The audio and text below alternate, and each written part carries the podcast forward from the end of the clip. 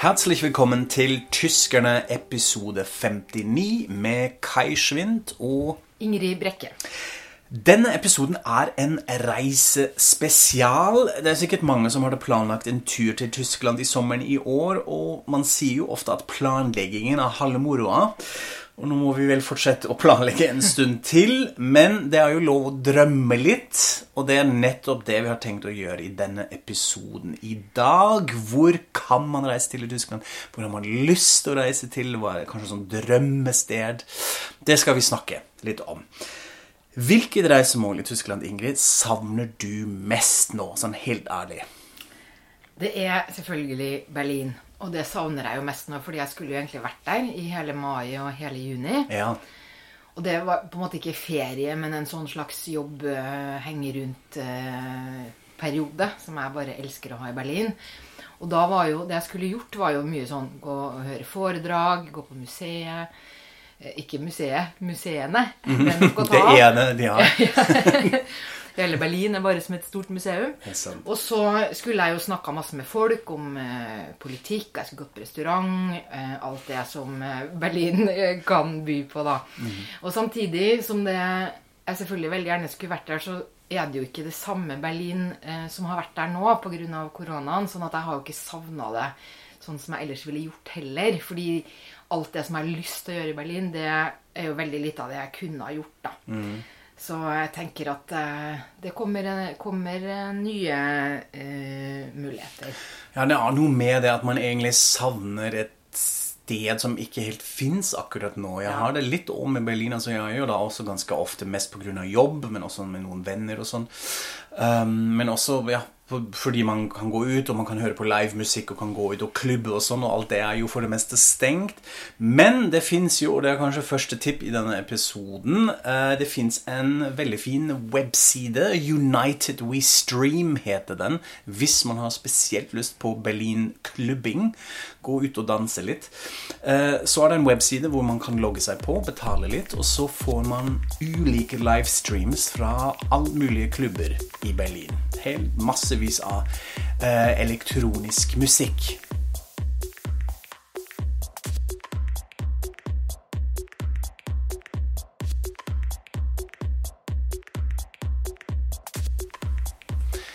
Bare Berghain er ikke med, tror jeg. Det har, det har jeg ikke sett der. De fleste nordmenn er jo helt besatt av Berghain, altså mange andre turister. Kommer man inn, kommer man ikke inn? Så det hadde jo vært gøy å kunne si noe. Man kan streame seg inn i Berghain, men de er jo for kule til å være med. så det man ikke. Men hvis man har lyst uh, å klubbe litt i Berlin, så kan man i hvert fall gjøre det virtuelt her. Men Ingrid, når du tenkte sånn tilbake på dine reiser i Tyskland, hva var liksom favoritturene du gjorde der? Jo, altså jeg har jo reist veldig mye rundt, men mye av det har vært sånn jobb, sånn typisk journalistjobb, hvor man drar et sted ut og inn på en dag eller to. Eh, men jeg har hatt to ganske store sånne reiser som jeg har syns har vært helt fantastiske. Og den første hadde jeg i 2012, begynner å bli en stund siden. Men da var vi en gjeng som sykla langs Østersjøkysten fra Rostock og til Albekk, altså nesten helt inn i Polen, i to uker. Ja. Og det var en sånn luksustur hvor eh, noen kjørte bagasjen vår fra hotell til Ah. hotell. Og så hadde vi disse leide syklene som vi bare liksom sykla sånne ganske laid-back eh, Ja. dagsetapper på. Det høres som en veldig dekadent tur ut, Ja, at noen det- kjører bagasjen for det. Ja, det var helt uh, vidunderlig, altså. Og det var, men det var jo også litt forskjellen på at det skal bli en sånn slitsom sportsbegivenhet, eller skal det være litt sånn bedagelig eh, kosetur. Og jeg er mer av den eh, siste typen, da. Og så spiste vi selvfølgelig masse sånn røkt fisk og sånn. Og så er det jo det helt spesielle når man er langs Østersjøkysten, at vi sykla jo på en måte langs en ti meter brei, lys sandstrand hele veien, mer Ja. eller mindre. Det er bare helt eh, vidunderlig, altså. Så Og det, det går an å sykle i ett? Altså, det er ikke sånn eh, avsnitt som man ikke kan sykle gjennom, eller hvor det er strander, Nei, dette- nudiststrander eller noe sånt. Det er, det er nudiststrander, men de ligger jo da liksom på utsida eh, og er nøye merka. Eller det vil si, de, de er jo ikke egentlig merka, da. De som er merka, er jo tekstilstrendene er jo merka, da. Sånn at man vet hvor man skal gå og ikke. Nei da, men man kan sykle altså Av og til må man jo inn på noen slags bilområder, men det var veld, en veldig fredelig eh, og, og tilrettelagt øh, sykkeltur. Og det har sikkert bare blitt enda bedre nå. Altså, Ja. Fordi at det er jo sånne EU-prosjekter og man driver og bygger ut alle disse sykkelveiene og sånn enda mer.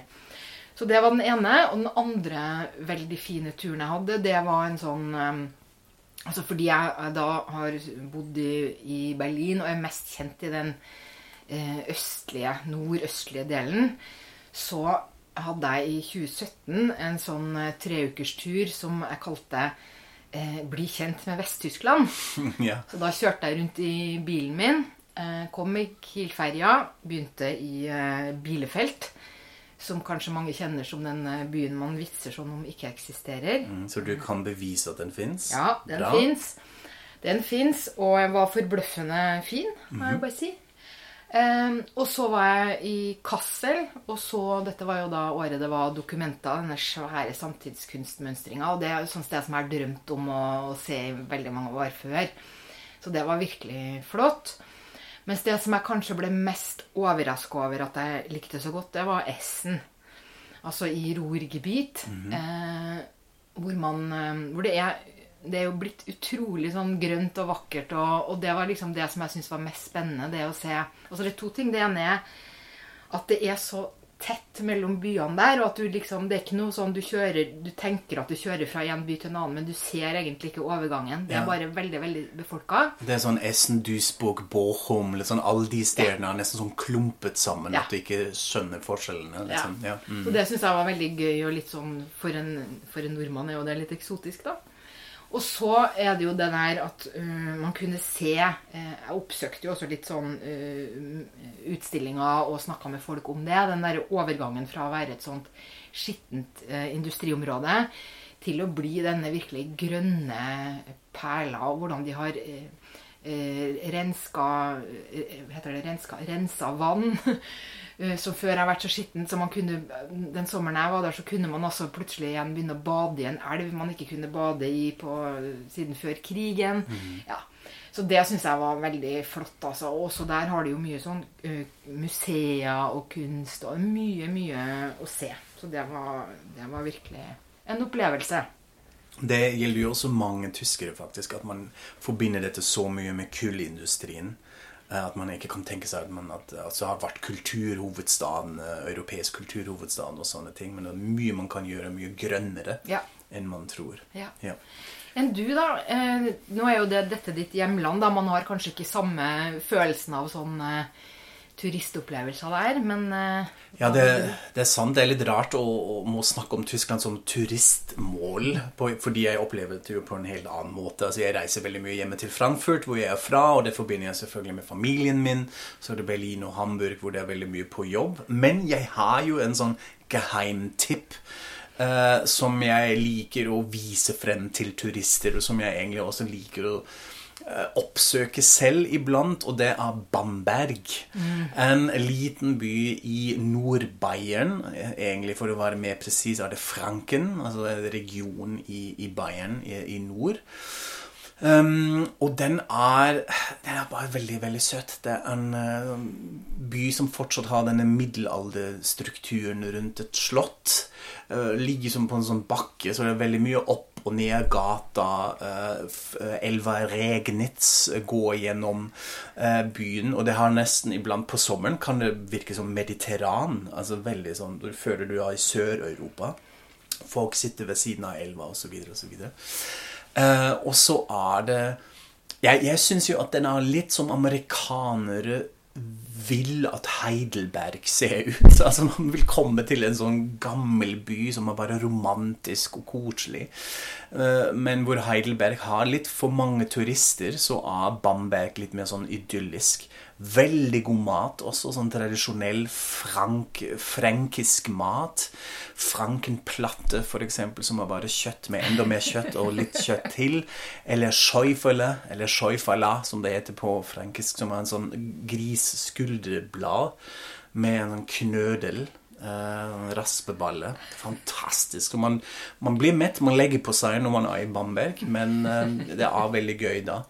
Du har jo vært der også Ja, i jeg har vært der, og det var også en sånn eh, veldig, altså, veldig stor overraskelse. fordi at jeg skulle, jeg skulle da eh, på Donau-cruise, faktisk. Så jeg kjørte bil fra Berlin til Passau, som da ligger helt nederst i det eh, sørøst, nei, sørvestlige hjørnet.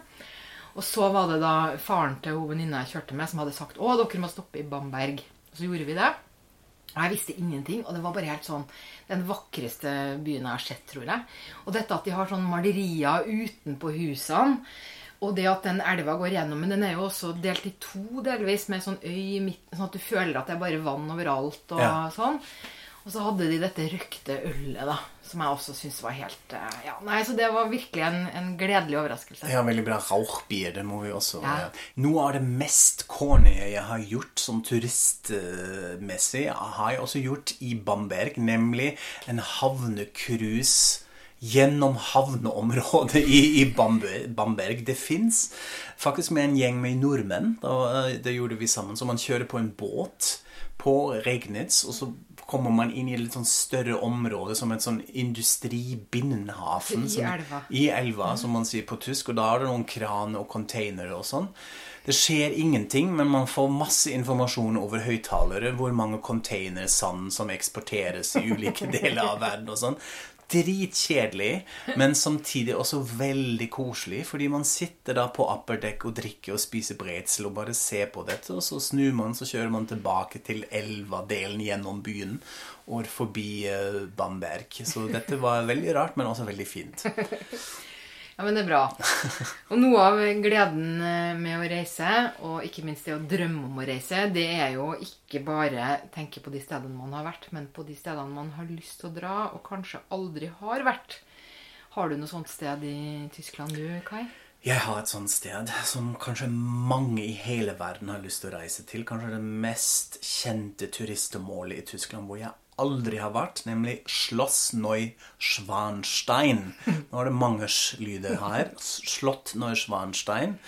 Uh, I Allgäu i Bayern. Uh, og um, det, det har jeg veldig lyst til å dra til, men man kan heldigvis reise dit virtuelt. Det fins en webside hvor man kan gå gjennom Slottet digitalt. De har på en måte digitalisert hele greia med fotografier. Så går du inn gjennom, kan gå gjennom alle etasjer. Uh, og det, det har jeg kost meg med, men jeg har selvfølgelig lyst til å oppleve det i virkeligheten. Altså. Har du uh, sånne steder?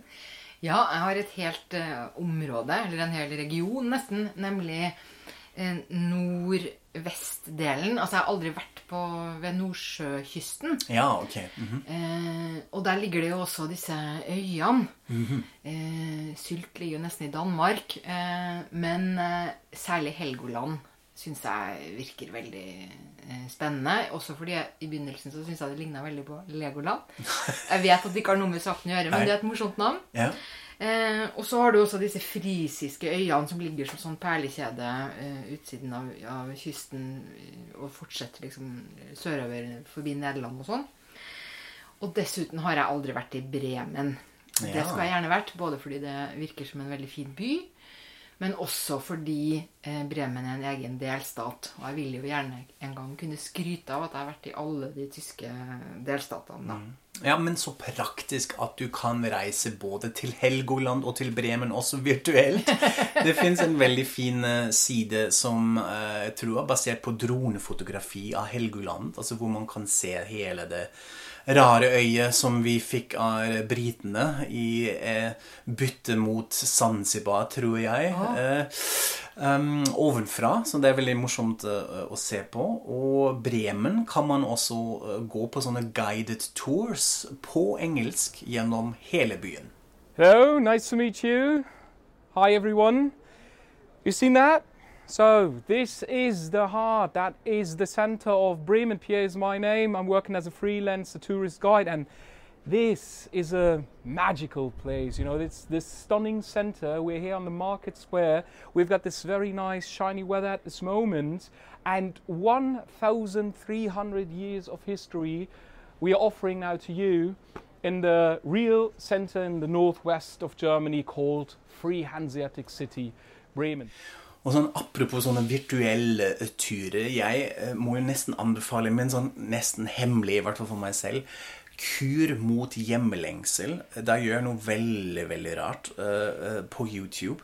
Det fins massevis av filmete turer innenfra trikker og T-bane i ulike byer i Tyskland. Ja. Altså Skjønner du hva jeg mener? I, i hvor, hvor sjåføren sitter foran. Eh, sånne Führerstand-filmer, kaller man det. Så du ser det fra perspektivet du, ja. helt forrest i du, trikken? eller? Ja. ja, du mm. ser det fra det perspektivet, og så kan man kjøre gjennom by. Og det gjør jeg iblant, f.eks. med min hjemmeby Tyskland. Så tar jeg O2 fra Batomburg helt til uh, Sachsenhausen, som er bydeler i Frankfurt. Og så kjører man denne turen. Bare kan kose seg litt med, med sånne turer. Det fins med Berlin og Hamburg og sånne ulike folk som har gjort det massevis på YouTube. Så hvis man vil oppleve en tysk by, det er jo store byer for det meste, så er det bare å søke det opp på YouTube og så ta sånne turer filmet ut fra trikkene og, og T-baner. Og da fins det også en spesiell en som jeg har oppdaget, som er veldig artig, nemlig uh, byen Wuppertal. Nå er vi tilbake i Vest-Tyskland. Fordi de har jo noe veldig unikt, nemlig en svevebane. Nå er jeg litt usikker om man kaller det på norsk òg. Dette er altså en slags et tog som henger på en konstruksjon i lufta. Altså det er en sånn bane uh, mm. som går over byen på en måte. Litt sånn litt høyere opp enn husene. Uh, og man kjører gjennom byen med den. Uh, og det er Wuppertal veldig kjent for. Og det finnes selvfølgelig også på YouTube, så hvis man har lyst til å ta denne turen, så kan man kjøre gjennom Wuppertal i svevebanen på YouTube. Og da tenker jo veldig mange i Tyskland, når de hører Wuppertal og svevebanen, på en veldig merkelig hendelse som skjedde mange år siden, nemlig jeg tror det var 1950, eller begynnelsen av 50-tallet. Hvor, hvor, man skulle reklamere for en zoologisk hage i Wuppertal, som er også ganske kjent fordi de har elefanter, blant annet. Så skulle man gjøre en sånn PR-stunt, uh, og tok en veldig karismatisk elefant, nemlig Tuffy, med inn i den svevebanen og skulle kjøre den gjennom byen og litt sånn hadde presse med osv. Men Tuffy var en veldig sånn hissig og karismatisk elefant. Den gjorde alt mulig rart, og blant annet hadde den ikke lyst på den turen opp i den svevebanen og klikka litt. Og hoppa ut av svevebanen og falt inn i elva, inn de Voppa. Altså Wuppertal Wupper er jo elva som går gjennom ja. Heldigvis, må man si. Så den døde ikke, ble ikke noe særlig skadet. Den overlevde, men det var en sånn utrolig spektakulær ting hvor det fins nesten ingen bilder fra fordi selv om det var masse pressefolk med, så var alle så satt ut og sjokkert at, de glemte å ta bilder. Så uh, dette kan man jo kose seg med, og det fins også morsomme artikler om det, som vi også er lenket til på Facebook hvis man har lyst til å lese seg litt opp på dette. Ja. Fun facts om Wuppertal. Ja, det må jeg si, altså. Ja, eh, noen syns det er gøy med elefanter som detter ut av svevebaner. Eh, andre er mer sånn på høykulturen. Ja. Men eh, det er jo også sånn at eh, pga. Eh, pandemien så er det jo en hel haug med eh, tyske eh, museer f.eks. som har eh, lagd omvisninger. Man kan se kunst. Og ikke minst så kan man jo se mm, teater. Mm. Eh, Berliner Ensemble har ukentlige stykker de hadde, For noen uker siden så hadde de at man kunne faktisk se Helene Weigel selv, altså kona til Bertolt Brecht, i en oppsetning. Mm -hmm. Jeg tror det var Motor Courage. Eh, de har nye hver uke. Eh, og så, ikke minst, kan man jo da se eh, Schaubyene, som har lagt ut veldig, veldig mange oppsetninger helt tilbake til 60-tallet, tror jeg. Og noen av disse er jo også tekster på engelsk, så man kan ha glede av dem selv om man ikke eh, snakker eh, tysk. Mm, veldig bra.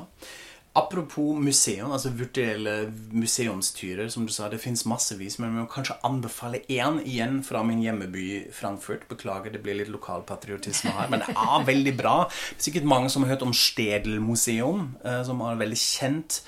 Uh, museum for det meste gammel kunst, billedkunst. Altså det er masse renessanse- og barokkmalerier som, som, man kan se på. All, uh, en del av det kan man også oppleve virtuelt.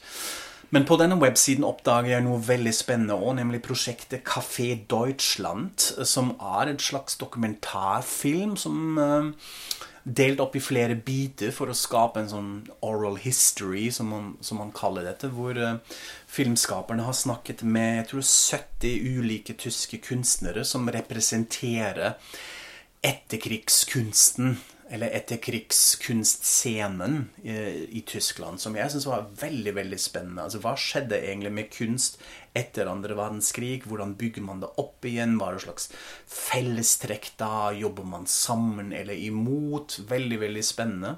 Spesielt selvfølgelig når man kommer da inn i 60-tallet, og dette blir veldig veldig politisk. En del veldig morsomme anekdoter og historier om hvordan kunstnere og 68 Uh, folk har jobba sammen. Uh, eller også en sånn anekdote en kunstner som forteller om da John Lennon og Yoko Ono kom på besøk og hang litt og skulle litt sånn finne litt ut hva egentlig tysk samtidskunst. Så det er veldig artig. Mange sånne småklips å se på. Kaffe Deutschland heter prosjektet på Stedel-museum sin hjemmeside. Ja, da eh, har jeg lyst til å si eh, noe eh, kanskje litt på sida. Men da vi bestemte oss for at vi skulle gjøre eh, denne episoden om eh, alle fine steder i Tyskland Jeg syns jo ofte at det er litt sånn at eh, det kan jo være gøy å høre og lese om de verste reisene folk har hatt, da. Ja. Og så tenkte jeg hva om vi også snakker litt om noen grusomme steder? Men jeg har litt dårlig erfaring med dette. Eh, fordi at eh, Det er en slags parallell. Eh, jeg had, har nemlig i alle år ledd mye, og grøssa litt også, over hva tyskere faktisk heter. Altså navnene deres. Men det er litt sånn Jeg har liksom ikke hva skal man Skal jeg skrive om det, eller hva? Altså, det er litt sånn Det blir fort Noen blir lei seg, og det er vanskelig og sånn. Og så fortalte jeg om dette til en tysk venn.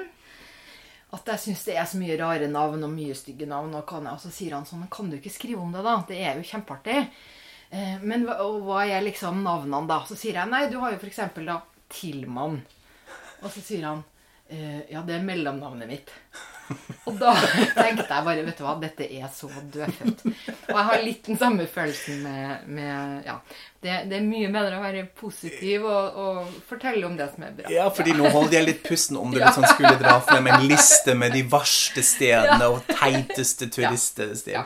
Du har nok rett, men det, men det er litt interessant med navnene. Jeg har en sånn lignende opplevelse nesten, at jeg til i dag ikke helt forstår alle norske fornavn, fordi noe av de er sånn utydelig for meg hva slags kjønn de er. Og det var morsomt at du trakk frem Tilman, men vi har noe, det er da noe som ikke helt matcher, tror jeg, mellom våre, våre, land. Så egentlig burde vi snakke om det i en annen episode. Så nå blir jeg litt inspirert, men, men vi tar det der.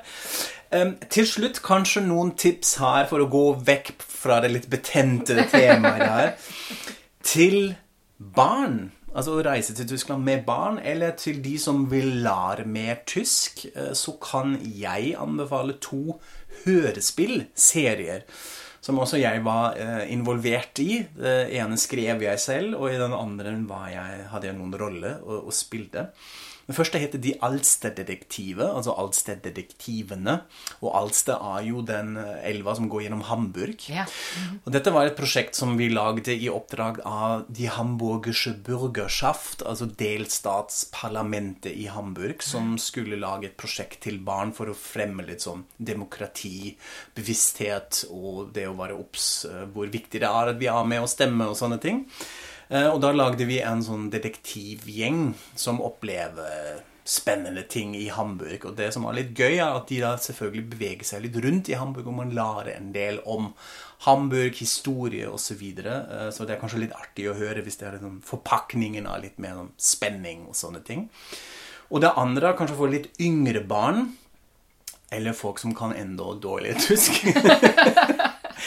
De Spürhasenbande. Uh, som er tre dyr. En kanin og en ygle, og den andre har jeg glemt. Som også uh, opplever ulike eventyr i ulike tyske byer. De har en sånn magisk speil og kan også reise tilbake til fortiden. Og da kan de også oppleve en del av historien i disse byene. Uh, og det er flere episoder ute om Frankfurt, om Hamburg, om Nürnberg, og snart kommer Köln. Så det, er også en litt artig måte å høre litt om ulike tyske byer.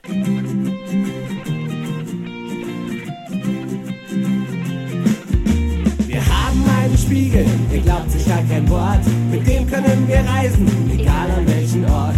Viel besser aber ist so unglaublich, wie es klingt. Zeitreisen kann auch, weiß es jedes Kind.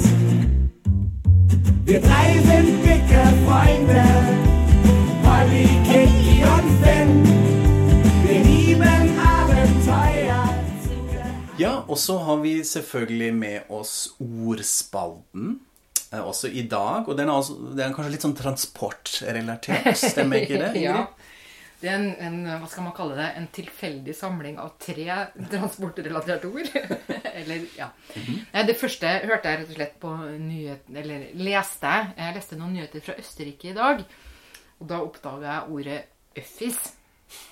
det høres jo helt corny ut. Ja. Og jeg, jeg skjønte ikke hva det betydde, men det er altså en sånn folkelig eh, Eller det man sier om eh, kollektivtrafikk.